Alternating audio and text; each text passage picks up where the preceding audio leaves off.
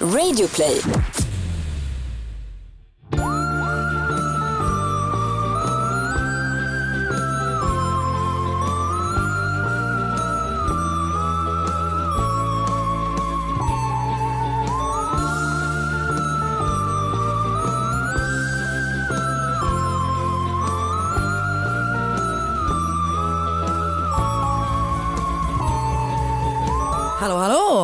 Då säger vi hej och välkomna till Mord mot mord.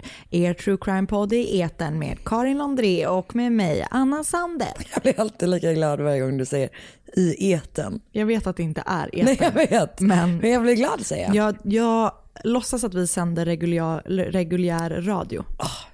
Vet du vad? Kan vi ha ett program på Radio Partille? Ja. En classic radiokanal. Men betyder det att vi måste bo i Partille? På landet mitt i stan. Det där gör mig också alltid så glad. När du säger Partillebo, Partillebos slogan. Det gör mig glad. Ehm, för i så fall kanske jag Nej men vi, hellre- nej, vi ska absolut inte bo i Partille. Nej okej. nej, nej vi, vi, vi tar, vi ringer in. Vi kanske kan få göra på Rockklassiker FM. Jag tror inte det, jag tror inte de gillar oss. Nej. Nej. Men vi kan få göra någon annanstans. Eller så har vi bara kvar vår podcast som den är. Ah, skönt. En true crime podcast. En true crime Som vi podcast. själva styr över. som är mitt i eten. Vänta jag måste bara ta en klunk vin för att komma i stämning. Kör hårt. Ehm, Idag behövde man ett glas vin. Ja, Så är det verkligen. verkligen. Ehm, fan, det var något. Vet du, det hände en spännande sak på mitt jobb idag. Berätta. Nu ska jag berätta för dig. Jag är inne på mitt kontor och så plötsligt hör jag så här. Alltså liksom, okej det där lät som ett larm typ. Det var skrik. Det lät som att det var typ en motor som varvade. Mm, Okej men det var min imitation av skrik. Ja. Jag är inte som han, eh, vad heter han du vet i, i polisskolan. Kommer du ihåg det? Han som är så bra på gud, vad, ljud. gud vad han var rolig när, han, när man var liten. Det var också, exakt, det var typ det roligaste som har hänt. Var att han bara, Det var det inte, utan det var en person som skrek men liksom, du vet på avstånd som att man, eh, eh, ja så. Kommer min eh, kollega Tor in, i, i, helt exalterad. Det är handgemäng i lobbyn, det är handgemäng i lobbyn. Nej. Vi sitter ju på ett eh, coworking-kontor, det vet ju du, men de som lyssnar kanske inte vet det. Eh, och då är det alltså att en person har varit ute i lobbyn, liksom stoppat ner handen i någons väska och varit på väg att stjäla någonting. Och personen som har väskan har sett det. Nej. Så de har liksom hamnat i en situation där personen med väskan håller i den här personen, i tjuven, i armarna. Du vet som, att, med, som kanske i en film där man ska hålla i armarna och snurra runt Ah, som på ja, ett ja, romantiskt jag sätt. fattar Lite precis. så Ah, ah. pågår. Där tjuven försöker ta sig loss, backa ut. Men den andra personen håller emot. så det är nästan som att det är en liten dans. Och du vet alla de här jävla töntarna på det här coworking-stället står ju som förstelnade. De som jobbar i receptionen, olika, det är en liten pojke och det är någon annan, alltså det är liksom Mm. så här. Det är, de, alla står i panik. Mhm. Ingen vet vad de ska göra. Alla står bara och kollar på den här märkliga, märkliga situationen. Eh, tills då en Skriker person... personen som håller på att bli rånad så här, varför gör du ingenting? Nej det, jag tror typ inte, det känns mer som att säga stopp, stanna då, du, stopp. Till slut kommer en till person och tar tag i Tjuven. tjuven. De leder, börjar leda honom iväg mot ett sånt litet pop-in mötesrum som ligger precis vid oss, vårt kontor. Och först följer han med liksom av sig själv. Efter fem meter kanske han, alltså typ så, så börjar han försöka slita sig och bara skriker. Och det är det skriket vi har hört. Men de får in honom i det här lilla mötesrummet och står liksom som fångvaktare utanför. Och så kommer polisen dit. Nej. Jo, det kom tre poliser.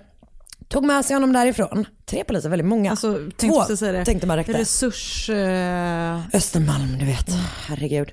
Ehm, och eh, jo, tog honom därifrån. Visade sig att den här personen har då synts på eh, coworking-kontorets över, övervakningskameror när han har varit där och stulit saker innan. Och att polisen hade tydligen ringt upp personen, han som gjorde den här dansen, han med väskan. Och bara, han är efterlyst. För att, hur spännande? Det känns spännande. sjukt. Vilken spännande dag. Alltså verkligen. Ja. Så spännande har det inte varit sedan prins Daniel var på jobbet och åkte Voi. Nej, det Nej, förstår jag. det var- det ligger precis samma typ av händelse. Ja exakt, för då var Säpo där och det blir man ju alltid glad av att Det se Säpo. alltid glad Eh, så det var jätte, jätteroligt. Jag Men tyckte då att det var extremt kul att de här personerna fångvaktade den här personen i ett litet sånt Jag hade typ inte riktigt vågat göra det tror jag. Fångvaktat. Alltså jag är ju en klassisk sån person som om jag blir rånad så låtsas jag typ som ingenting för att jag inte vill stöta på problem. Men förstår du vad jag menar? Att Ja, man är gud, så här, ja. åh gud nu ser jag att den här människan tar min eh, mobil. Alltså, jag ja, med. ja, låt, jag låter honom ta den. För tänk om man har en kniv.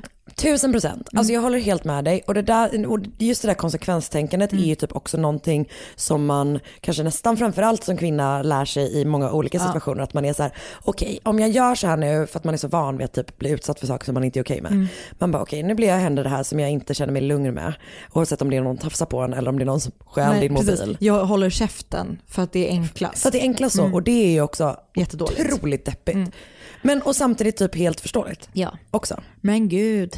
Så det var väldigt spännande. Ja, jag förstår det. Ja, men jag tycker att det var så roligt just hur de vi, Tor visade upp den lilla dansen som pågick inne på kontoret. Gud vad häftigt. Det gjorde mig, gjorde mig glad. Jag, det hände mig en rolig grej på jobbet idag också. För då hade jag möte med ehm, en man Ja. som är chef för vårt OCC, Per, vad betyder det? som är Operations Control Center. Och hans dotter, Vänta, Operations Control Center, är det alltså de som styr planen? ja typ de sitter och har koll på Ah, Du så coolt. min Det var där du fick coolaste- vara en Ja, gång. min Ah. coolaste avdelning. Ah, så hade jag möte med Per och hans dotter Camilla lyssnar på vår podd. Hallå, så Camilla! Han, hallå hallå! Så han liksom är så här lite, han- ställde så intresserade frågor och det tycker jag är så kul när någon på jobbet, du vet, jag kände mig så uppskattad. Ja, Jag jag tyckte det var roligt. Att, att det inte var direkt upp någon som var så här, "Huh." Nej, det var kul tycker jag. Det är jag Härligt. glad över. Gud vad kul. Mm. Eh, en annan sak vi ska prata om Ja. är din systerdotter. Ja, lilla älskade Saga som är ju stor så det är bara att hon är min systerdotter. Det här är bara att vi vill göra en shout-out till Saga. Ja. Hon har börjat på en ny skola Ja. i Fällingsbro som är typ som en internatskola. Ja. Så att eh, det är superspännande och hon trivs jättebra nu och det är så himla kul att höra. Ja. Och då så pratade vi om min podd häromdagen och då så sa jag att då ska vi hälsa till henne. ja. Så nu gör vi det. Och då ska vi också göra, vi ska också, jag ska också få träffa henne på vår livepodd. Apropå det. Ja. Alltså Stockholm är utsålt, tok utsålt. Göteborg tok utsålt. Eh, Kalmar närmar sig. Kalmar närmar sig. Det tycker jag är så jävla fett att det typ är så här, man bara, Kalmariter nu får ni skynda er. Ja. Eh, om ni ska få, få något, någon plats. Känns askul. Verkligen. Eh, Och när vi släpper det här så är det, har det gått en eh, vecka från att vi spelar in. Ja, typ. så då vet vi inte hur det ser ut i Malmö och Norrköping heller. Nej, Men det, det, finns nog platser kvar. det finns nog några platser kvar. Eh, vi fick också häromdagen eh, se mockups på våran eh, merch. Alltså det jag är så spännande. dricker ur min kopp. Ah, ja, gud, hela jag, tiden. Jag har alltså verkligen, nej, alltså det känns så jävla fett att vi kommer ha merch, tishor Eh, tote bags. ja, och, Eh, muggar. och muggar. Alltså muggar är nästan det jag är mest glad Jag för. med. Eh, jag med. För jag vill, kan vi dricka vin ur muggarna? Det är inte lika gott, Men, men, det kan. går. Ja. Och jag tänker också så här, vi kommer ju göra t-shirtarna i två olika modeller. En som är lite mer så figurskydd Ja. och en som är lite mer boxig. Ja. För jag vill ju ha en boxig t-shirt, för den tänker jag träna i också. Nej, men, Jag kommer använda den liksom som en, som en riktigt plagg. ja, Men kanske ha två och ha en att träna i. ja. Eh, Så att om ni vill joina Anna på hennes träning och ni också vill ha på er era t-shirtar som ni har köpt sen längre fram. Ja. Då kommer Anna börja lägga ut alla pass hon ska gå på. Precis. Framförallt det här danspasset. Exakt, häng med. Nej, men tänker att det kanske också kan bli en sån, då, det är som, då känner man igen en annan lyssnare. Det kan bli sån så bara liksom strike up a conversation. Alltså- ah, så du också? ah, nej men precis jag med. Ja fy fan vad mysigt. Också att det är kul att du, ah, ja, ja jag lyssnar också. Har du lyssnat? Vill vara inkognito-poddare själv, låtsas att man bara är lyssnare. Ja, nej, har du tänkt på när de säger så här? Fan så lite störig eller? här. Ut med hoven. Eller är de, eller är de störiga? Hur är? Hur Vad, vad tycker du? Är de, är de inte lite, nej. Nej, Du, nej. Vissa tycker att de är lite störiga. Ja, jag några. däremot helt Nej, inte jag. Inte, Inte jag. jag. Nej gud nej. Herregud. Imorgon Mm. och vi äntligen till vårt Paris. Vive la France! Vet jag Som inte. du brukar säga. Det? Fraternité, egalité, liberté. Mm. Fast vi är då tjejer, syster, syster, Systerskapet. systerskapet, syskon, syskonskapet. Låt oss bara enas i ett syskonskap istället för ett brödraskap eller ett systerskap. Också brödraskap. Det är liksom en sån, det är du vet da, da, dagens män som pratar om sina Bröd. bros. Ni vet vilka ni är. Ni vet vilka ni är. Looking at you. eh, bros Det är eller den- mina boys. Åh fy fan panik. Det är, jag tänker att det är exakt, det är den tidens Brödraskap. samma killar. Ja. Fast de då pratar om mitt brödraskap. Sant. Jag såg en ganska rolig meme igår. Nej, jag orkar inte berätta om den. Det, är så jävla, åt- det går inte riktigt åt berätta en meme. Jag är skitsamma. Nu har vi varit i, imorgon åker vi till Paris. När det här släpps har vi varit i Paris. Och vi har förmodligen haft det helt otroligt bra. Och vi bär numera basker. Och det passar oss Och inte alltid en jättebra. baguette under armen. Ja. Jag tror att du skulle vara fin Alltid basker. samma baguette. Det börjar så ruttna. Mögla. Vet du vad Anna, jag ska vara helt ärlig. Mm. Självklart. Sa du att jag hade varit fin i baguette? Nej, jag vet inte om jag sa det men jag menar, jag menar du hade varit fin i basker. jag har haft basker. Ja, jag kan tänka mig Ja, det är verkligen så, Broder jävla givet att jag har. Också det, gud det glömde jag berätta. Tjuven var liksom, alltså han, jag vet inte om han hade klätt sig for the occasion att han skulle passa in. Men han hade alltså lite så hipstriga glasögon och basker på sig. Så att jag, jag tror att han Alltså hade förlåt men killar i basker. passar inte i basker. Nej, nej, nej. Nej, Nej. bort med Eh. det. Men jag tyckte det var kul att han hade klätt ut sig till, Jättekul. jag tänker att han hade klätt ut sig till en coworkare. Ja. Då, Och men att- han hade ju missat, det skulle snarare, snarare vara så, så här, en fedora. Okay. Snarare än en basker.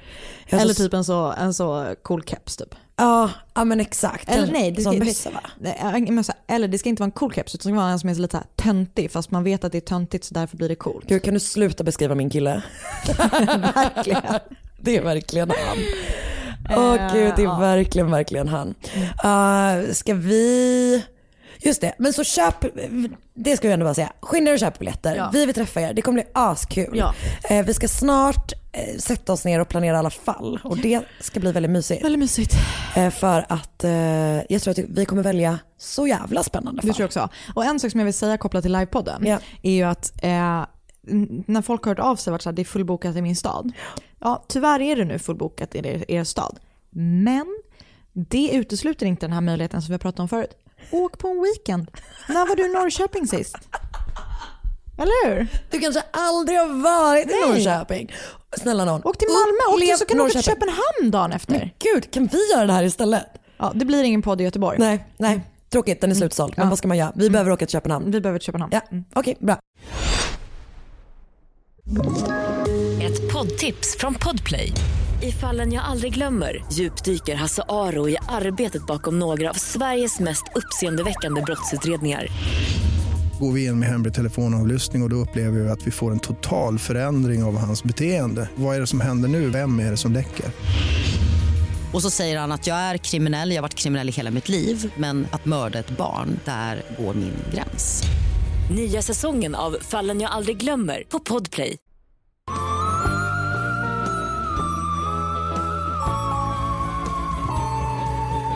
Du, tänk om vi i framtiden eh, skulle kunna ha eh, headset-mickar när vi poddar. Jag vet om att det är din dröm. Att ha headset alltså. Ehm, men jag tror att vi hade sett så jävla töntiga ut. Vi hade sett ut som Pewdiepie. Från Partille. Ja. På landet mitt i stan. Okej. Känns som det var länge sedan vi gjorde ett japanskt fall. Ooh. Stämmer det? Mm. Kanske. Undrar om du har det här japanska fallet som jag har på min to-do-list. Åh nej. Jag har inte gjort det så att i så fall är det fine. Vi kollar. Mm. Vi, vi börjar och kollar. Okej, det här är liksom ett sånt fall, du vet, som när man ibland när man typ trillar över ett fall och så typ läser man en liten, liten grej Mm. och så tänker man så här, man bara, åh jävlar, vad är det här för något sjukt?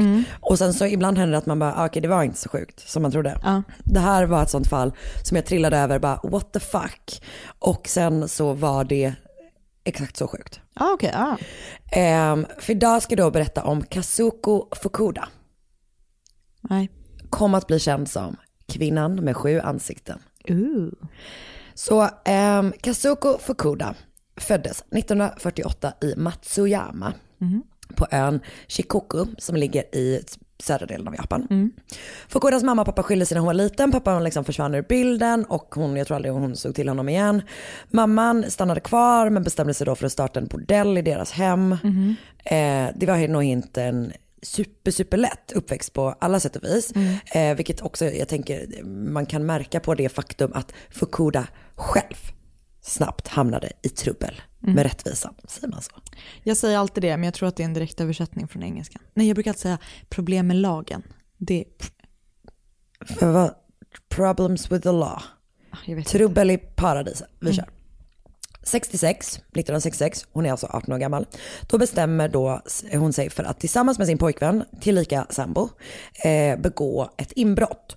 De ska bryta sig in hemma hos någon slags, jag har skrivit skattmas. Det är någon, taxman kallas det. Jag försökte liksom googla på vad det var så då sökte jag bland annat på skattman. Men då fick jag bara upp länkar för han Scatman John. I'm a scatman. Jag bara, "Nej, men det här kan inte vara rätt. Hon bröt sig in hos Scatman John. Ja, kanske.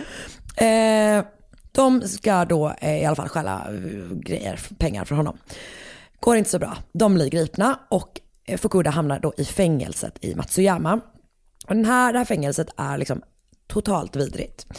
Och det är en extremt korrupt plats. För där har liksom Yakuzan tagit över. Och de har liksom mutat vakter och hela ledningen och allting. Så att de gör exakt vad de vill. De dricker, de spelar, de, alltså du vet det är liksom så här. Är kvinnor med i Yakuza också? Nej, nej. Nej. för att jag läste en skitspännande artikel som jag kan länka till i Facebookgruppen. Som handlar om kvinnliga liksom, em, tjejgäng i Japan vid den här tiden. Som var, för just att kvinnor fick inte vara med i Yakuzan så de startade egna gäng. Men Yakuza styr, styr ändå över det här kvinnofängelset? Ja, eh, ja men det är, det är blandat. Okej. Så det är inte bara, bara Ah, kvinnor, okej, men det okej, jag är blandat kvinnor. fattar. Och en detalj med det här, de här tjej, det här tjejgängen, de typ stal saker och var ute och slogs och sånt. Mm. De hade, eh, som liksom gjorde ett uppror mot typ patriarkatet och liksom sexualisering av kvinnor. Så Mm. att en av deras grejer var att de hade långa kjolar. Det är så kul att det liksom är Ja, en verkligen. Mm. sånt, fuck you guys. Hur som helst. Eh, hon är inne på det här fängelset, det är en vidrig, vidrig plats Yakuzan har tagit över. Och de gör exakt vad de vill. Inklusive att när de känner för det, våldta de kvinnliga intagna. Och Fukuda är då en av de som utsätts för det här. Eh, och ja, det går inte ens att föreställa sig hur jävla vidrigt Nej. det måste varit. Vidrigt. Ehm, hur som helst, hon sitter inne i två år. Och sen kommer hon ut och det liksom verkar som att livet ändå börjar ordna upp sig lite grann. Strax efter att hon har muckat, ett ord som jag blir glad att jag kom på. Det är bra. Det är ett, ja skitsamma. Ehm, hon träffar i alla fall en man och gift sig och sen skiljer hon sig visserligen jättesnabbt från honom igen. Men sen, fem år senare, träffar hon sin andra man. Och nu börjar det liksom så här, man bara, nu börjar hon få ett ganska vanligt liv. De får fyra barn ihop. Ehm, jag vet inte vad hennes man jobbar med, men hon jobbar som, du vet, som värdinna på nattklubb typ. Okej. Ehm, och det känns ju som en konstig tjänst att ha att vara en sån flörtig sällskapsdam.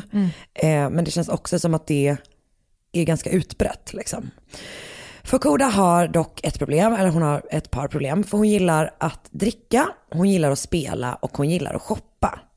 Ja, låter dyrt. Och alla tre saker gillar hon jätte, jättemycket. Exakt, dyrt. Och det är liksom någon sån, du vet japansk version, 80-talsversion av liksom Lyxfällan på gång. Ehm, för att det, hon tjänar helt enkelt inte alls så mycket Nej. som hon behöver för att så här, täcka upp för sitt leverne. Så för att då täcka upp för så skulder och liksom fortsätta leva sitt drömliv så tar hon lån då liksom. Så hon tar många lån, hon tar liksom stora lån och sen tar hon liksom fler lån för att täcka upp för det gamla, du vet hur det funkar. Och till slut är hon skyldig då liksom olika, delvis så här seedy aktörer och andra lite mer legit eh, långivare eh, är hon liksom skyldig massa, massa pengar, typ hundratusentals kronor. Och i dagens pengar. Och det går då liksom inte liksom ihop med den här lönen och dricksen som hon får ut från det här hostessjobbet. Och vet hon har fyra barn, bla bla bla. Situationen, ja, panik på allt det här. Situationen ser liksom inte superbra ut. Gud, inte ens om man har sådana liksom dyra intressen går det typ ihop att ha fyra barn. Nej, alltså om, det går typ inte ens ihop att ha sådana dyra intressen. Punkt. Nej, Känns det som. helt rätt.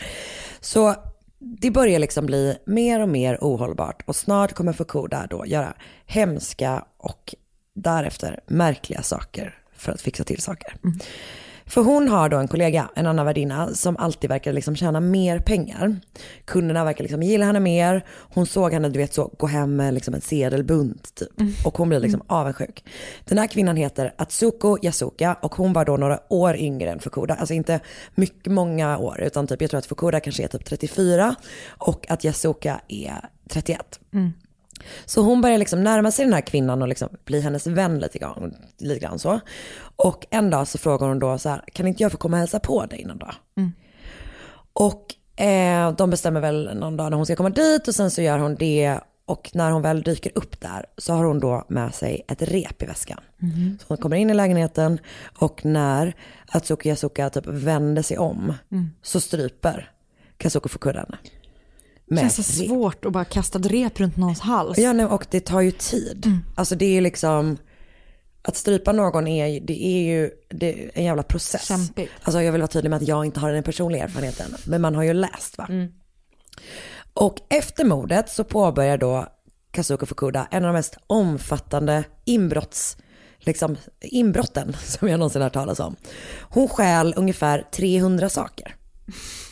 Bland annat alla möbler från lägenheten. Så allt som allt så stjäl hon grejer för typ så 800-900 000 kronor. Om man i dag, dagpengar. Eh, och hon fick liksom så ringa sin man och bara, jo men du jag har just liksom stulit en kvinnas hela liv, inklusive hennes liv. Eh, så jag behöver typ att du kommer hit och hjälper mig flytta. Alltså det är liksom på den nivån. Så hon får liksom med sig en hel del grejer till någon lägenhet som de har. Men hon involverar sin man i det här. Hon drar in sin man och sen så rinner hon, när inte fler saker får plats i den lägenheten, så får hon ringa sin älskare som hon har skaffat sig. Ah, ja, ja. Och bara kan jag ha lite grejer hemma hos dig med? Älskaren vet, känner inte, inte till någonting om det som har hänt Nej. eller att hon har en, en man. Eller Hon bara, jag har en ny divan, vill du? Ja men exakt, kan jag få ha min nya divan hos dig en stund? Du vet hur det är när man har fullt med divanutrymme. Jag vet. Eh, så hennes man då får liksom reda på vad hon har gjort och han är typ så här, kan du bara snälla gå till polisen? Och hon bara nej. Och det kan man ju tänka, delvis hänger ihop med att hon uppenbarligen inte vill åka dit för att då hade hon väl inte gjort det från början. Nej. Men hon vill kanske heller inte hamna i fängelset på grund av det som hände henne. Nej. Så hon bara, nej jag kommer inte göra det, men det du ska göra är att göra det av med den här kroppen. Så han det. får göra sig av med Atsuko Yasukas kropp och begrava henne i liksom någon skog typ. Och hon hittar också, hon hittas där liksom. Och polisen börjar då gräva liksom ganska snabbt i vad som har hänt i henne. Det är otroligt ovanligt med mord i Japan vid den här tiden. Eh, jätte, jätte ovanligt liksom. Och jag tror också att det är så att man, är, det man klarar upp typ alla brott. Liksom. Det är verkligen, det, det går bra för rättsväsendet. Så ganska snart hör de då av sig till Katsuko för att be henne komma till stationen och lämna vittnesmål. Men hon låtsas när de ringer att hon är ett av sina barn. Och bara mamma är inte hemma. Och sen så bara drar hon Från familjen. från familjen och hon kommer hålla sig undan eh, i... Och nej, hon, hennes plan att hålla sig undan i 15 år. För, och det här är så jävla sjukt, vid den här tiden så var preskriptionstiden för mord i Japan 15 år. Men gud. Det är för att det aldrig hände så de visste Ja, men- typ inte. Nej men typ lite så. Ehm, och allting klarades ju upp. Så det var liksom, eller allt gjorde säkert inte det, men du fattar liksom. Så med lite drygt 60 000 kronor eh, från det här rånmordet så flyr då Fukuda och lämnar då efter sig sin medskyldige man som snart då kommer dömas för att ha övergett ett lik. Är liksom det han döms för. Abandoning a corpse står det på engelska överallt. Och ett tag tror jag hon bor med den här pojkvännen i stan men sen flyttar hon till Kantsawa som ligger typ 60 mil från Matsuyama. Och där börjar hon jobba på någon restaurang men du vet eh, hon har lite svårt att få jobb för att världen är en vidrig plats och hon som är 34 år gammal anses vara, börja bli lite gammal för att kunna jobba med att hålla eh, olika så, businessmän sällskap. Så hon bestämmer sig för att liksom kombinera två vinster kan man säga. Hon har ju delvis då ett behov av att se yngre ut, men hon har ju också ett behov av att inte bli igenkänd. Så hon plastikopererar sig. Okej. Jag tror att hon vid det här laget gör typ ett ansiktslyft och ett liksom näsjobb typ. Men hon kommer också liksom fortsätta plastikoperera sig under sin tid på flykt. Så sjukt. Och det är också därför hon kallas för då kvinnan med sju ansikten i media sen. typ. Alltså det är så jävla sjukt. Fan vad stört alltså. Ja, jag vet. Och hon har liksom ett par regler så för hur hon ska klara det här. Hon ska liksom inte stanna på ställen för länge, hon ska aldrig ha ett jobb, de behöver lämna ID eller fingeravtryck, vilket tydligen är en grej på vissa ställen. Eh, hon ska liksom inte så ha längre relationer med folk, alltså massa sådana saker. Men grejen är att hon jobbar då som värdinna på en klubb i Kan- Kanazawa och där träffar hon en man som blir liksom en återkommande kund. Och till slut så inleder de en relation. Och det här är hösten 85. Eh, så du bara vet vart vi är rent tidsmässigt. Jättebra. De inleder en relation och efter ett tag så slutar Katsuko då på sitt värdinnejobb och börjar istället jobba i hans godisaffär. Åh vad härligt. Och där säljer hon bland annat godis till en person som kommer att bli en av Japans mest framgångsrika baseballspelare. Aha. Gud Så- att baseball är stort i jag vet, Japan. och när jag tänker efter, vad är baseball? Det låter ju konstigt. Och vad betyder det att man är bra på baseball i Japan? Är de bra på det? Alltså, Man vet jag inte. trodde typ det var så här en amerikansk sport. typ bara, det, jag kan ha hittat på att det var baseball, kan det ha varit något annat. Handboll, cricket, brännboll. Han var en av Japans bästa brännbollsspelare. Han var en av Japans bästa bollspelare. Han var, vilket bollsinne. Hur som helst. Ehm, han kommer i alla fall långt senare berätta hur otroligt vacker han tyckte hon var när hon var liten. Han var liten. Jag tänker att det kanske bara hänger ihop med att det var hon som kontrollerade godiset, men vem vet. Hon inleder då liksom, alltså hon bryter sina regler och liksom inleder ett litet liv med den här mannen och deras godisaffär. Så till slut så är hon liksom så bekväm att hon tar dit sin 18-åriga son som hon har liksom, eh, alltså från den tidigare relationen. Men hon säger att han är hennes systerson så det är liksom Okej. något, någon sån grej. Men ändå, hon gör sig själv bekvämt. Och till slut så då börjar man prata, jag tror att han friar till henne. Och hon funderar liksom så här fram och tillbaka på hur, för hon vill det. Men samtidigt vet hon ju också om att här, hon har ju fejkad identitet och allting sånt. Eh, men hon kommer aldrig behöva liksom ta det beslutet för att hans familj är misstänkta mot henne, misstänksamma. Eh, för vid det här laget så är hon liksom på någon sån most wanted list och de har sett en affisch med Katsuko Fukuda och är så här, fan är inte det där lite likt? Och till slut så går liksom en släkting till polisen så här och bara, den här personen, ni kanske ändå ska kolla lite på henne. Och de bestämmer sig då för att åka och liksom prata med Katsuko Fukuda. Men hon är, eller hon är på en begravning när hon får liksom reda på att polisen är henne på spåren.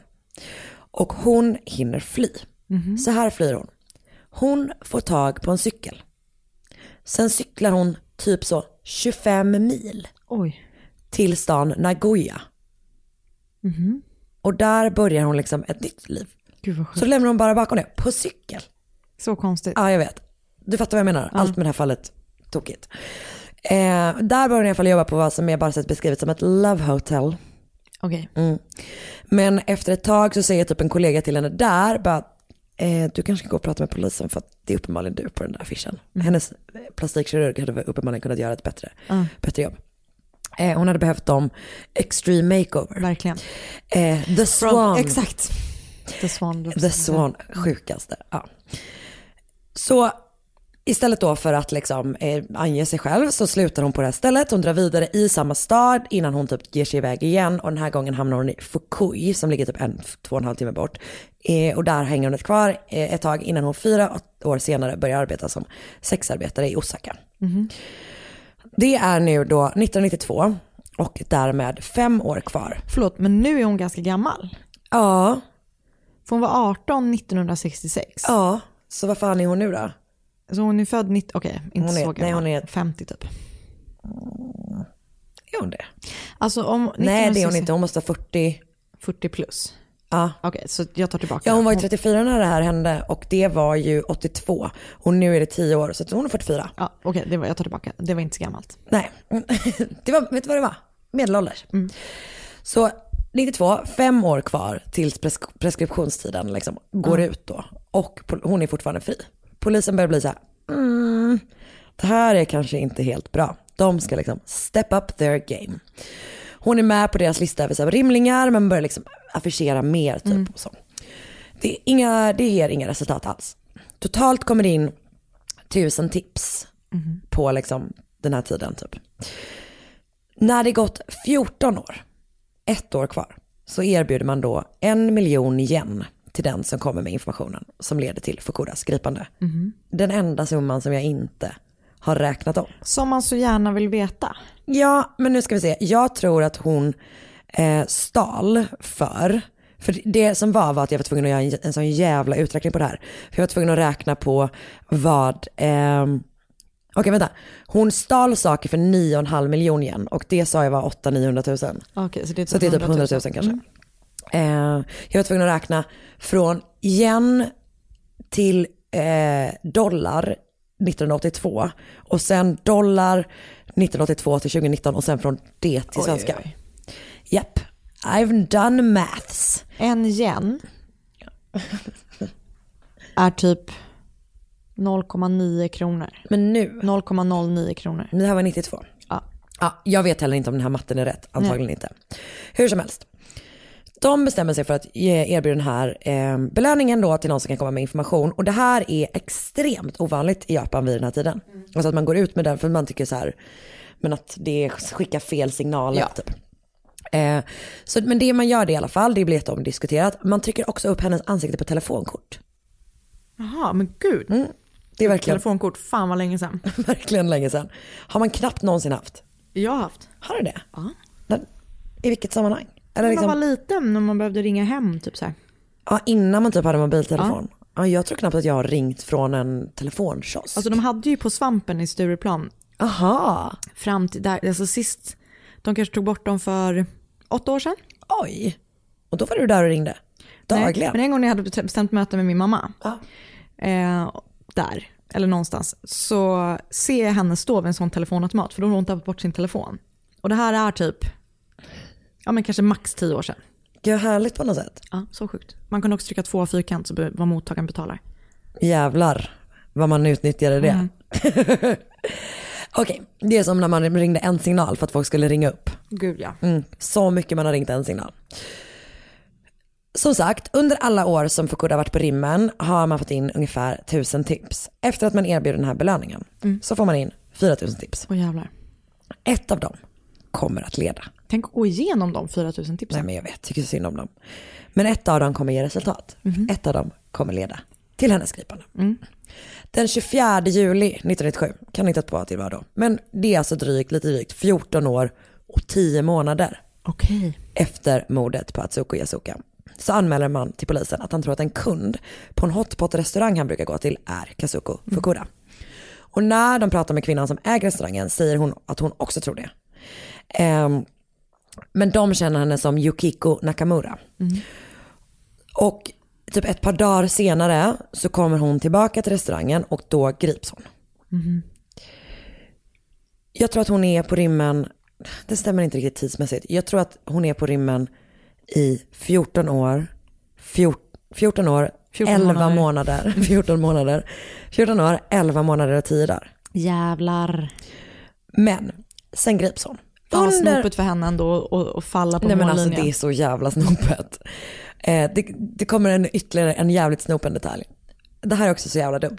Under förhöret, som du minns att hon hade a drinking problem. Mm. Under förhöret dricker Katsuko Fukuda massor av öl. Att man ens fick det. Ja, men att man ens, det är så konstigt. Mm. Eh, det, vet, det har något. Eh, Här har du en tre femma. Börja snacka. Verkligen. Eh, det kommer visa sig vara en dålig idé. Mm. Inte bara för att du kanske inte ska vara packad när du försöker ljuga bort polisen. Ut, utan också för att hon bara är så här, hon bara, jag tänker inte lämna något jävla fingeravtryck. De bara, nej det är lugnt för du har precis lämnat alla dina fingeravtryck på alla de här flaskorna. Ah, ja.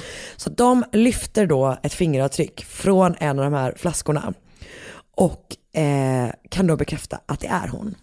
Men hon sitter häktad långt liksom efter, även efter det. Och med tio timmar kvar tills mordet på Atsuko Yasuka preskriberas så häktas Kazuko Fukuda. Shit. Det känns lite grann som att de bara were showing off. eller? Verkligen. Ehm, så nu är då den här märkliga, märkliga flykten över. När polisen då med tåg ska förflytta henne tillbaka till Matsuyama för att det är väl där hon ska ställas inför rätta eftersom det var där mordet begicks. Så är det här tåget liksom knökfullt med både journalister och liksom civila. Så du vet hon ska säga att gå till, på toaletten och måste typ tränga sig fram igenom. Hon har typ huvudet under en jacka. Och vid ett tillfälle så hör typ journalister och de här andra personerna som är där henne bara liksom skrika rakt ut under den här jackan liksom. Och så total panik.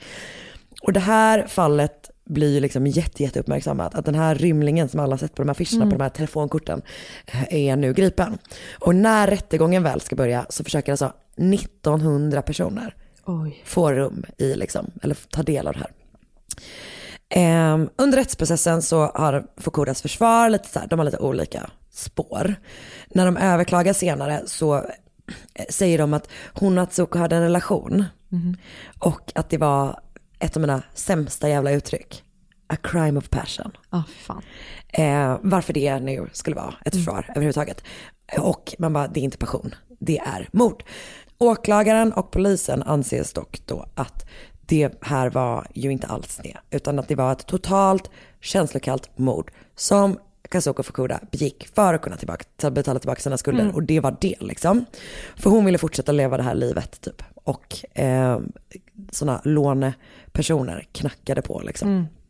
Så i maj 1990... Lånehajar. Lånehajar, exakt. Loan sharks.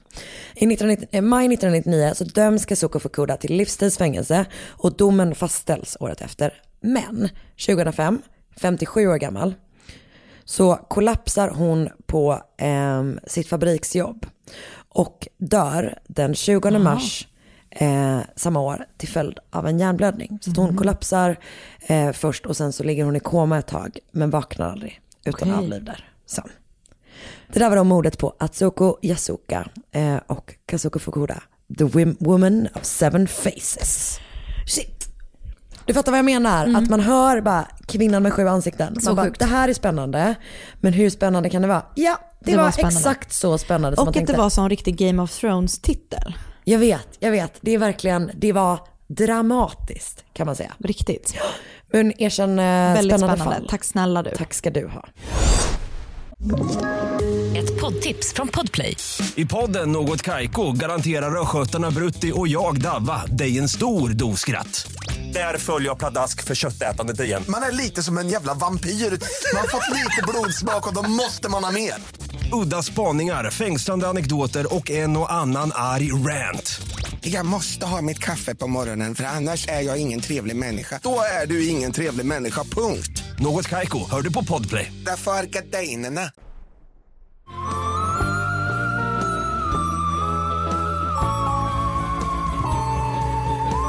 Då är det min tur. Om jag inte har missförstått. Eh, vad, vänta, vad menar du nu? Ska du, ja, du, Ja, jag tänkte jag du hade också förberett något litet? en liten grej bara. Ah, ja, men jag har tid. Är det okej? Ja, ja, gud ja. Okej, jag kör. Nej men eh, för alla som lyssnade i förra veckan så var jag ju eh, i Kanada. Ja.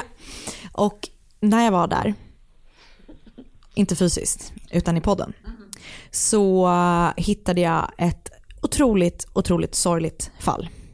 Oj. Så jag håller mig kvar i Kanada även denna vecka. Det känns som du ofta är i Kanada. Men kanske att jag varit där någon gång innan. Nu är jag i Woodstock, Ontario.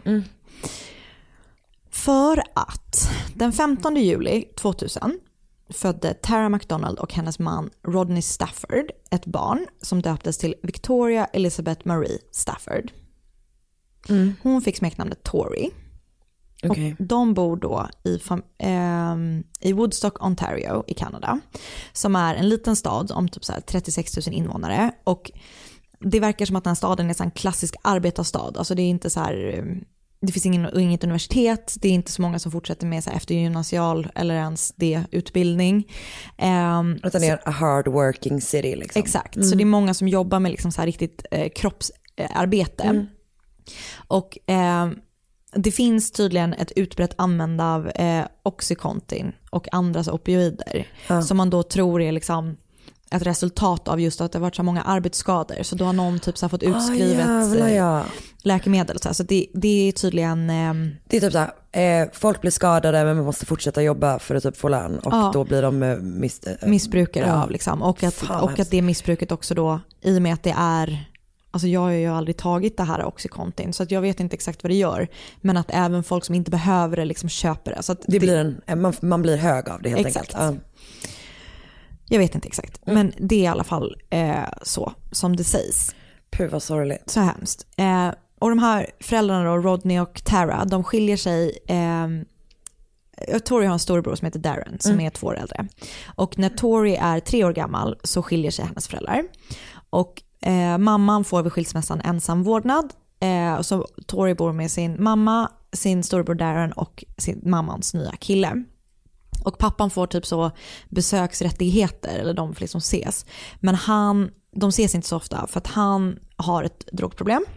Och han verkar vara liksom lite allmänt så frånvarande pappa. Och så ju längre tid efter skilsmässan desto mer sällan ses de. Och Tara, som då är Toris mamma, det är många namn på T som är lite lika i den här berättelsen. Men Tara och Tori. Tara och Tori.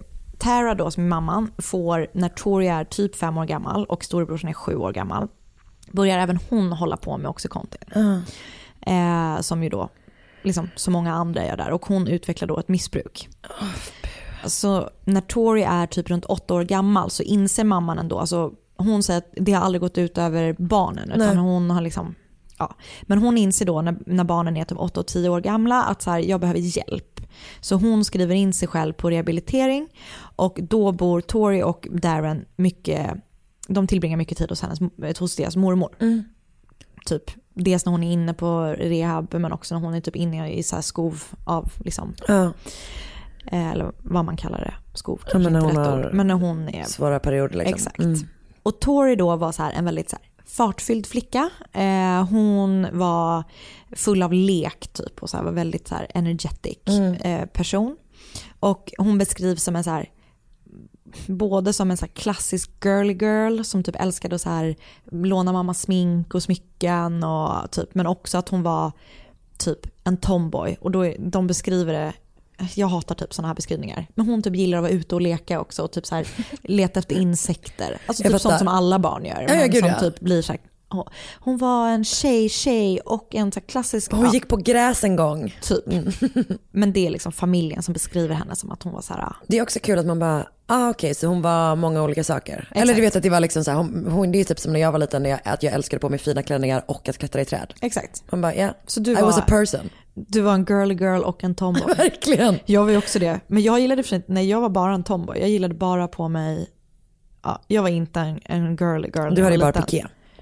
Alltså jag hade bara typ eh, liksom, klassiska pojkkläder fram tills jag typ fyllde åtta år. Men också man kan, tänk vad skönt. Ja men det är ju helt, alltså ja, skitsamma. Nej, jag men jag också- hatar den beskrivningen av Ja, jag barn nämligen. Det är därför jag fastnar i det lite. Ja, jag håller helt med dig. Jag är med dig. Och Tori och hennes familj kommer att vara med om någonting absolut fruktansvärt och jag Mm. mådde ganska dåligt typ när jag gjorde research om det här men jag vill ändå berätta om det. Men jag vill ändå flagga för att det här handlar om ett övergrepp och ett brott mot barn. Mm. Nämligen då Tori. För Tori och hennes bror, de brukade alltid ta ett sällskap hem från skolan. Eh, som de, går, de går i samma skola, de går i en skola som heter Oliver Stevens Public School. Och eh, hennes brorsa brukade typ ibland så här, följa andra mindre barn hem innan de gick hem tillsammans. gullig. Alltså himla gulligt. Och då brukade Tori liksom vara kvar eh, på egen hand och sen så kom han och fiskade upp henne. Men det händer någonting den här dagen, 8 april. Så de tar liksom inte sällskap. Och när klockan har passerat sex på kvällen och Tori fortfarande inte har kommit hem så blir familjen såklart jätteoroliga. Och de börjar ringa runt till sina vänner och sen så åker de runt och letar och storebrorsan typ kastar sig direkt på sin cykel och du vet så här börjar leta efter henne. Eh, och till slut så ringer då mormor eh, till polisen för att anmäla att hon inte har kommit hem. Och polisen tar emot anmälningen och liksom säger okej vi ska börja titta på det här men de går inte ut med en Amber alert som ju är när är- barn försvinner. Är det en grej, heter det så i Kanada det också? heter så i Kanada också. Ja, okej.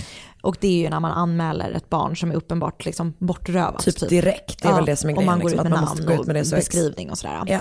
Men det här, eh, och det har ju varit väldigt så här, hjälpsamt verkar det som.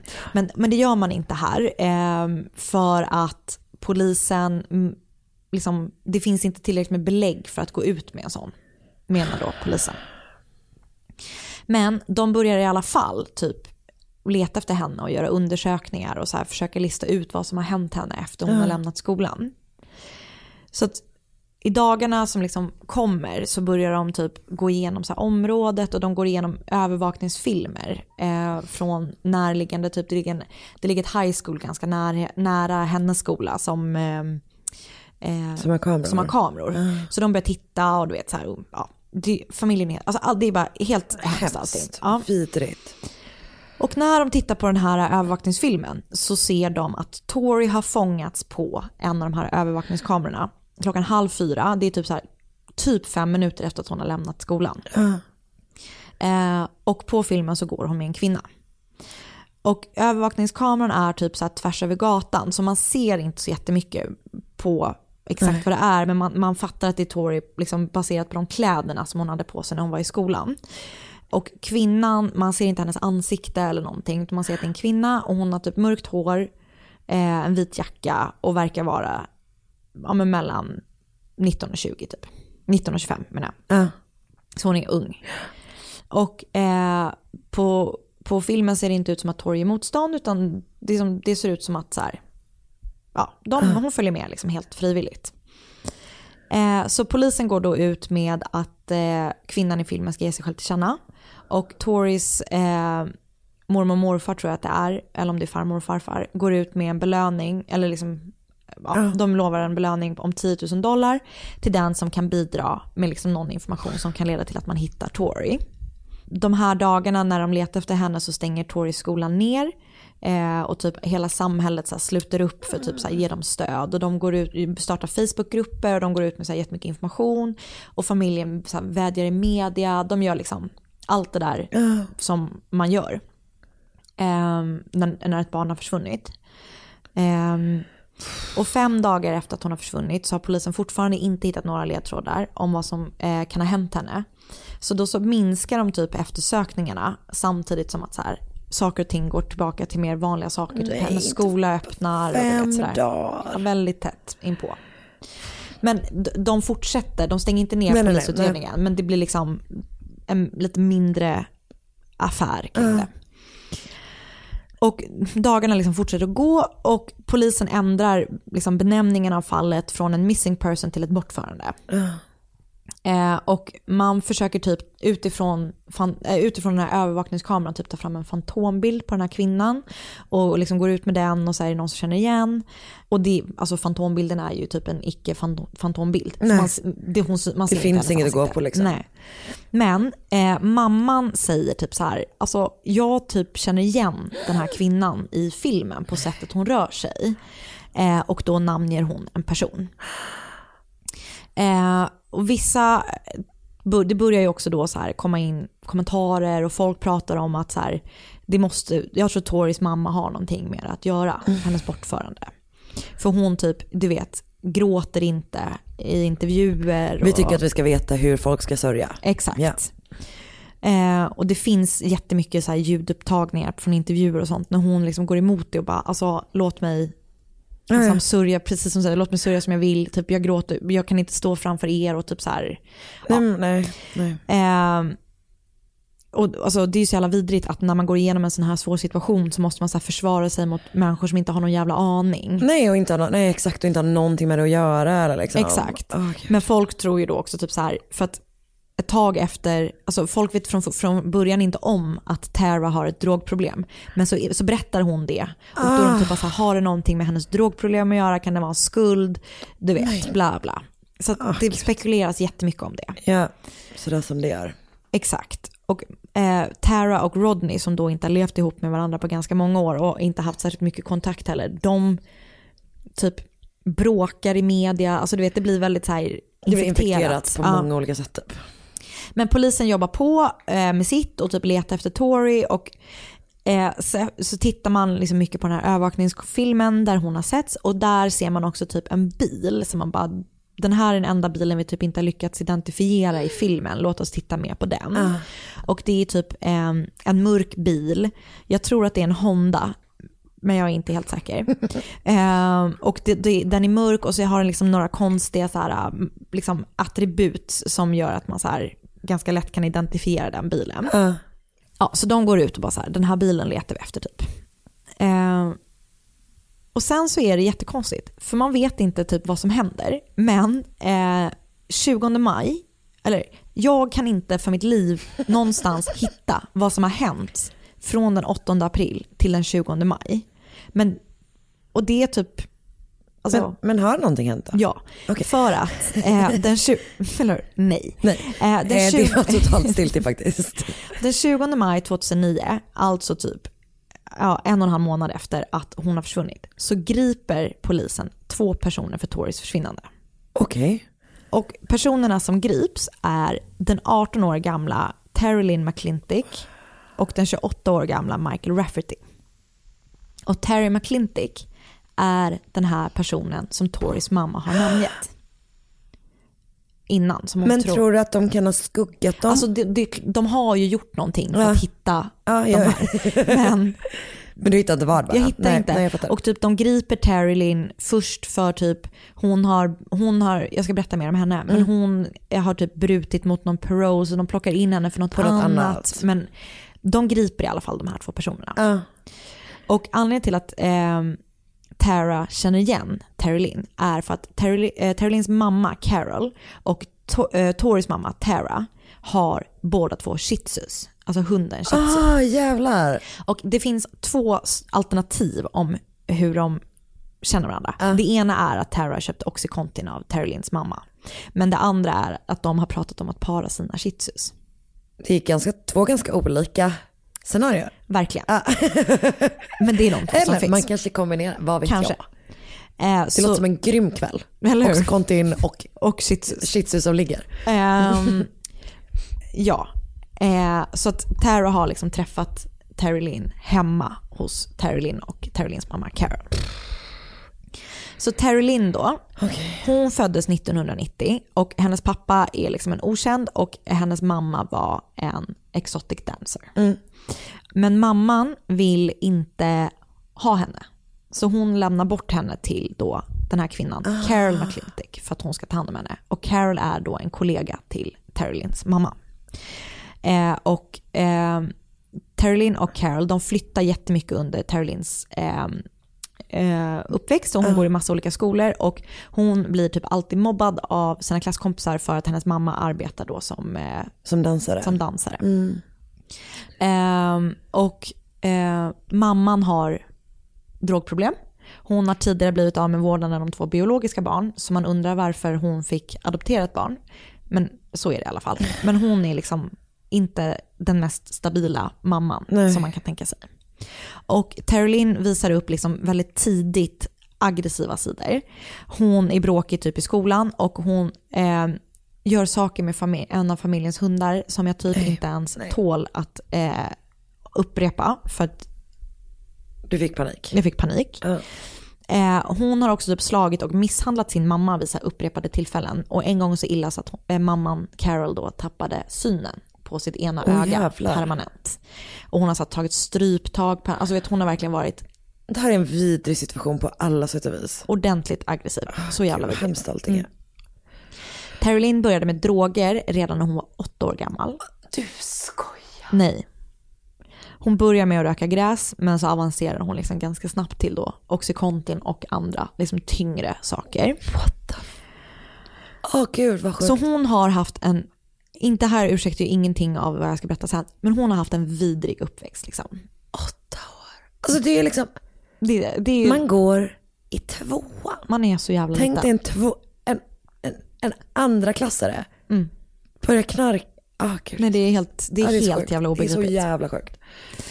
Och i februari 2009 då när hon är typ 18 år gammal så har hon oturen att träffa Michael Rafferty. Som är ett riktigt jävla as. Vänta, förlåt, hur gammal sa du att hon var? Hon är 18. Hon är 18, okej. Mm. Det här är alltså två månader innan Tar- äh, Okej. Tori försvinner. Oh. Eh, och även han har typ liksom haft det lite trist som barn. Jag vet inte så mycket. Han har flyttat mycket och han verkar typ också vara så här, dricka mycket, knarka. Han är liksom bara allmänt, Ja. allmänt. Eh, han har uppenbarligen någon slags charm för han är superpoppis bland kvinnor. Eh, paret Terry Lynn och Michael Rafferty träffas när de står och väntar på en pizza. Han då... Gud vad det hade kunnat vara romantiskt om det här var en annan typ av podd. Eh, han då liksom approachar Terry Lynn och säger typ att eh, han tycker hon är snygg. Direkt citat, a cute number. Eh, och typ är så här, får jag köra dig hem och bla bla. Så här. Och istället för att åka hem så sitter de och pratar och de typ pratar om deras gemensamma intresse, vilket är knark. Och sen så åker de typ iväg och har sex i bilen någonstans. Efter det blir de ihop. Gud. Eh, och ihop. Alltså, ska, deras relation går ut på att de går på bio. Terry förser honom med Oxycontin på regelbunden basis och de knarkar ihop och de typ checkar in på ett motell för natten. Alltså inte en relation som man Det är inte din ha. dröm. Nej. Min däremot. Det, Det enda jag vill, så länge jag får gå på bio. Och äta pizza. Verkligen. Nej men fy fan. Ja, Så jävla, vidrigt. jävla vidrigt. Alltid vidrigt. Ja. Det Eh, här är typ en av de deppigaste scenerna du någonsin har beskrivit. Ja. Och då har det ändå varit väldigt extremt deppigt. innan. Alltså he- allting med det här. Är så jävla hemskt. Ja, allting Ja. är så jävla sorgligt. Det är vidrigt. Och jag känner också hur jävla mycket värre det kommer bli. Ja, tyvärr. Okej. Men Terry Lynn är inte Michaels enda flickvän. Hör och häpna. Precis. Mm. Han har ganska många andra eh, tjejer. Han är en regelbunden användare av en amerikansk dejtingsida som heter Plenty Fish. Gud. Där han träffar många andra. Gud, det är verkligen hans motto i livet. Verkligen. There's plenty of fish på den Verkligen. här sajten. Och när han grips så har han så många som 13 kvinnor som tror att De är de är exclusively ihop. Men en sak som jag tänker Mm. på med det. Hur fan orkar man det? Nej, jag vet. Men det verkar som eh, att han typ... har Alltså han liksom- skiter ju uppenbarligen i. Alltså men... han är liksom inte närvarande pojkvän till någon av dem och han verkar typ inte ha någon så här uh, speciell inriktning på tjejer utan det är så här hur många kan jag dejta typ. Ja, men han typ samlar på kvinnor. Exakt så. Ja. Eh, och han är vidrig mot allihopa.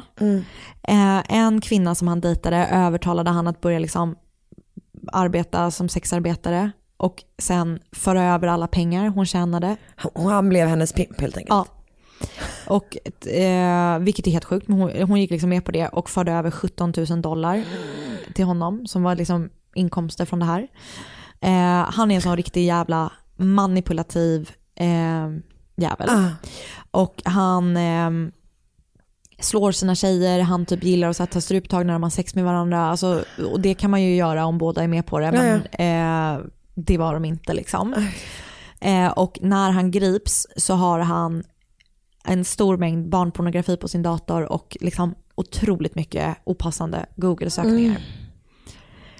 Men det här vet ju Terry Lynn inte om, utan hon är helt upp över öronen kär i honom och hon är helt törstande av kärlek. Alltså alltid när man hör om en sån person, Ja. Blir man inte typ lite så sugen, alltså jag vill inte träffa honom, men alltså du vet bara att så försöka se. Och sparka honom i pungen. Ja men det vill man ju verkligen, men just det här att man bara var med den här personen. Har lockat alla de här. Ja, exakt. Jag fattar precis. Men det är väl den grejen, kommer du ihåg när vi pratade om det en gång att man inte vill att någon ska få en att känna sig som att man är den enda i världen? Ja. Alltså det känns som att det är den typen av manipulativa jävlar liksom. Som dessutom kanske i hennes fall, ja det gjorde han säkert med flera andra, han plockade upp folk som inte hade det typ superlätt. Exakt. Och fick dem att känna sig jättespeciella. Exakt. För det finns liksom så här, sen liksom har man sett hur han, du vet verkligen är mot henne. Ja. Och han typ säger saker så här, ja jag kommer till det. Ja, ja. Han Ehm, kan dra åt helvete redan ja. nu. Alltså, fuck that guy. Och någon gång under de här bara veckorna, alltså för de har ju dejtat i typ sex veckor innan Tori Alltså. försvinner, så börjar han diskutera med henne om hur det skulle vara att kidnappa ett barn. Nej. Det är Alltså, så hemskt allting. Så den 20 maj då, 2009 häktas Michael för mordet på Tori och Terry Lynn för bortförandet och med, med hjälp till mord. Ehm, Michael förnekar att han har något med det hela att göra och Terry Lynn förnekar till en början att hon har något med Toris bortförande att göra. Men efter typ en månad i häktet så ändrar hon sig och Terry Lynn börjar berätta vad som har hänt. Och då ändras hennes åtalet mot henne från medhjälp till. Aktivt deltagande Ja. liksom. Och det spekuleras lite i liksom vad som fick henne att erkänna. Men det finns då liksom så här, eller folk spekulerar i att det handlar om att hon fick höra att Michael träffade andra kvinnor. Uh. Eh, och även typ när han satt i fängelse att han fick liksom sådana, eller häktet att han typ det kom kvinnor och besökte honom och så här, hon blir galen typ av svartsjuka. Jag tänker att det också kan bara vara typ att du vet så som det är liksom med liksom sektledare, att Mm. om man får, att det är därför de liksom typ vill få folk att säga upp bekantskapen med sin familj och sånt. Exakt, har ingen att, annan. Nej Ja. men alltså, exakt, och så fort man, så fort de, man fysiskt inte är nära, alltså att, att kontrollen lott, lättar liksom eftersom. Typ. Mm. Exakt. Men det ändå har gått en månad liksom. Och eh, andra spekulerar i att han typ har hotat med att aldrig besöka henne eller aldrig prata med henne. Och så här. De får också träffas i ett förhörsrum. Alltså det är bara så konstiga grejer och han är typ så här, hon är typ bara så här, det är ingen fara, typ jag kommer ta på mig allt, jag är ändå bara typ en drog, eh, alltså du vet så. Åh gud. Jävligt mörkt är det. Eh, men hon berättar då att det här har hänt, eh, som jag ska berätta nu. Hon och Michael har då börjat prata om hur det skulle vara att kidnappa ett barn. Och den 8 april peppar typ Michael Terry Lynn att det ska vara så här, idag är dagen, typ nu är det liksom dags. Och av någon anledning, jag vet inte om de har bestämt sig för Tory innan eller om det är en slump. Men de bestämmer sig då i alla fall för Oliver Stevens Public School. Och enligt Terry Lynn så är Tory den första flickan som hon får syn på.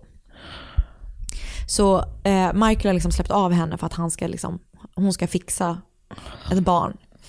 Så ehm, Terry Lynn får syn på Tori och går fram till henne och säger så här, jag har en shih tzu och, typ, hon, och du vet, locka med henne. Ehm, så hon undrar typ om Tori inte vill följa med och titta på den och det säger hon ja till och ganska snart så blir de då upplockade av Michael i hans bil. Och de börjar då köra ut från stan och de ser till att Tori hålls gömd i baksätet. Och eh, Michael liksom plockar ut batteriet ur hans mobil så att det inte ska gå att spåra eh, någonting och sådär. Och de lyssnar på radion för att höra om någon har liksom snappat upp att Tori är försvunnen. Men det har de ju inte än. Eh, och när de har kört en bit så är resans första stopp och då stannar de på typ eh, något som heter Tom Hortons som är ett, så här, en kafékedja. Där de köper, eh, han köper kaffe till sig själv och köper te till Terry Lynn och sen så kör de vidare. Där de åker till resans andra stopp som är till Michaels ex där han köper droger. Eh, och sista stoppet är på en Home Depot där Terry Lynn går in och köper eh, sopsäckar och en hammare. Caroline fångas på film när hon är inne och handlar i de här sakerna. Och hon liksom bara går runt typ som en helt vanlig handlare i den butiken. Och sen kör de vidare till så ett öde fält där Tori tyvärr möter sin död. Jag kommer inte gå in på det mer. Ehm, Eh, och den 21 juli 2009, typ då vad det blir, tre, fyra månader efter hon har försvunnit, så hittas Toris kropp eh, på det här fältet och hon hittas med hjälp av information från Terry Lynn. Och Lynn menar liksom när, i alla förhör att hon inte förstår hur det här har kunnat hända, hon fattar inte vad som har hänt och hon säger då sig vara påverkad av droger under dagen, vilket säkert stämmer i och med att hon hade liksom Pågående missbruk. Ja. Ja. Men det ändrar liksom inte faktumet att hon satt i bilen med Michael. De stannade inte en gång utan tre gånger och hon hade chans att gå därifrån, liksom kalla på hjälp, whatever. Ja, när hon var inne i affären. Ja, och när hon var ensam kvar i bilen med, med Tori. Ja, de har Alltså, kunnat dra. hon har ju haft alla möjligheter att Ja, att avbryta den här Ja. situationen. Eh, och även om det då först verkar som att Terry Lynn mest är ett offer för manipulation så, liksom, så visar det sig att hon kanske hade lite mer med att göra. Eh, för inte med en gång, men ganska snart så berättar hon då att det faktiskt är hon som har till slut dödat Tori. Michael däremot fortsätter att förneka absolut allting. Han säger att Terrelin ljuger och att det hon säger har hänt inte stämmer och typ att hon är bara sjuk i huvudet. En galen typ. person. Mm. En sån typ av kille tror jag att han kommer komma undan med vad som helst. Att alla, han kommer kunna lura vem som helst. Alltså verkligen. Det finns filmer från båda deras förhör. Som är bara så jävla obehagliga att titta på. Men han är bara så jävla slapp typ, Ah, i förhöret. Och Ah, typ vad så här, jag fryser och jag är typ hungrig. Jag tror inte att det här han, du vet, alltså han är bara vidrig. Ah. Och Terry Lynn typ fake gråter till och från i sina förhör. Att vet, hon gråter jättemycket när polisen sitter där och så fort han går ut så börjar hon typ så här kolla i koppen läppen och du vet så direkt när han kommer in så börjar hon så torka sig runt ögonen. Alltså, Och också så pinsamt att se. alltså så jävla pinsamt att se. Åh gud vad Polisen hittar i alla fall DNA-bevis på brottsplatsen som tillhör Michael och de hittar även DNA-spår som tillhör Tori i Michaels bil. Eh, Terrelin och Michaels rättegångar hålls separat och eh, Terrelins rättegång hålls 2010. Okej. Alltså typ ett knappt år efter att det här har hänt. Den liksom döljs från media eller vad man ska säga. Man får inte rapportera någonting från pågående rättegång eller liksom kopplat till den. Men i december samma år, alltså typ ett halvår efter, så släpper man på dem sådär. Men hon erkänner i alla fall sig skyldig med en gång. Ja. För att hon vill typ göra rätt för sig eller sådär. Men Michael fortsätter hävda att han är oskyldig. Hans rättegång blir inte av förrän våren 2012. Det är alltså typ Oj. tre år efter att ehm, hon har då mördats, Tori. Och i rättegången, och det här tycker jag är så vidrigt, eh, så har Michael på sig en lila skjorta och lila slips. Och det är inte vidrigt bara för att det är fult, men det är vidrigt för att det var Toris Nej. favoritfärg. Nej. Mm. Du skojar. För familjen har liksom hållit på med så här, Med vet, såna lila ribbons och du vet så här. Ah. Så han har Dra åt helvete. sånt jävla jävla jävla as. Men då är man ju åtminstone sociopat. Så jävla galen människa. Vidrig person är vad man är. Ja, jag blir så arg när jag tänker på det. Eh, men i rättegången så har man då jättemånga som vittnar mot honom. 62 personer. och de har ju DNA-bevis och andra fysiska bevis. Så många som 200 fysiska bevis lyfts i rättegången. Så att det blir ju glasklart. Han döms till livstidsfängelse. Och han måste sitta 25 år innan han får chans till frigivning. Och det måste hon också. Det är samma för henne. Ja. Och eh, de har ju såklart jämförts i media liksom med Carla Homolka Ja. och eh, Paul Bernardo. Som ju också var två vidriga människor i Kanada. Ja. Typ 20 år tidigare. Um, Ett par som gjorde Exakt. vidriga saker. Ehm, Som vi har gjort i något avsnitt tror jag. jag tror du har det. gjort det ja, tror jag. jag tror att jag har gjort Mm. det. Ehm, Det är också ett vidrigt, vidrigt fall. vidrigt fall. Det är ju de som var Barbie. Ja. Ja. Ja. Eh, så att eh, det här är så jävla sorgligt. Och eh, hela hennes familj är ju, mår ju piss. Och pappa, eh, pappan har hållit på jättemycket med liksom att Ja, de, de gör så cykellopp typ för att eh, du vet, samla pengar till andra försvunna barn. Och det är så himla sorgligt allting bara. Och eh, det är så himla sorgligt. Och jag önskar att jag kunde liksom avsluta på något lite positivt. Men det är bara så himla himla sorgligt. Eh, och det finns en jättebra podd som jag har lyssnat som finns tre delar om det här. Som heter Canadian True Crime. Ja, just det, just det. Som man kan lyssna på för den är ju mycket, mycket mera Vi, lägger den, eh, vi länkar till den i Facebookgruppen. Absolut. Fy fan, det där var så mörkt. Alltså, det är så liksom- himla mörkt och jag ångrar typ att jag gjorde det här fallet nu. Nej men det tycker jag inte du ska göra. Men det är just det här att det liksom, att scenen är så jävla jävla deppig från början. Att det är den här liksom, Så det här, många nivåer av vidrigt. Aha, och sen när man bara, okej men nu kan det, ja, åh gud. Åh fy fan. Det där var så jävla hemskt. Jag ber om ursäkt. Nej du ska inte behöva göra det, är ju inte Men- du som har gjort det. Och det som Det så kan vi här, väl ändå vara tydliga med. tack. Eh, det som så här sköljde över mig så himla många gånger när man ser så här bilder på henne och så är det ju alltid, framför allt när det är barn. Alltså jag blir bara så djupt sorgsen. Men det är ju i allmänhet när ett barn går bort så är det ju också hela den aspekten som är så här, det här är onaturligt. Ja. Så här ska det inte vara det i inte vara, världen. nej. Det här är fel liksom. Så jävla hemskt. Åh gud. Så att, eh, Ja, så nu, eh, ja, ja. nu får vi avsluta det här tror jag. Ja. Och eh, typ kramas en stund. Ja. Ha en fortsatt fin vecka allihopa och om ni behöver eh, härliga människor i er närhet som inte är i direkta närhet så kan ni gå med i Mord mot mord podcast på Facebook. Där kan vi processa det här fallet tillsammans. Mm. Ja. Och eh, om ni vill att vi ska prata om något annat fall någon gång så kan ni önska fall av Anna på Instagram. Hon har, heter att Sandell Anna där och jag heter att Karin Ondre. Eh, så skriver ni till oss i DMs där. Ja. Vi läser allting, eh, även om vi inte hinner svara på allt. Bara så ni vet. Mm. Och så ses vi on the road. Yeah. Köp era biljetter nu så ses vi snart. Ja. Hej! Hej. Poddtips från Podplay. I podden Något Kaiko garanterar östgötarna Brutti och jag, Davva, dig en stor dos skratt. Där följer jag pladask för köttätandet igen. Man är lite som en jävla vampyr. Man har fått lite blodsmak och då måste man ha mer. Udda spaningar, fängslande anekdoter och en och annan arg rant.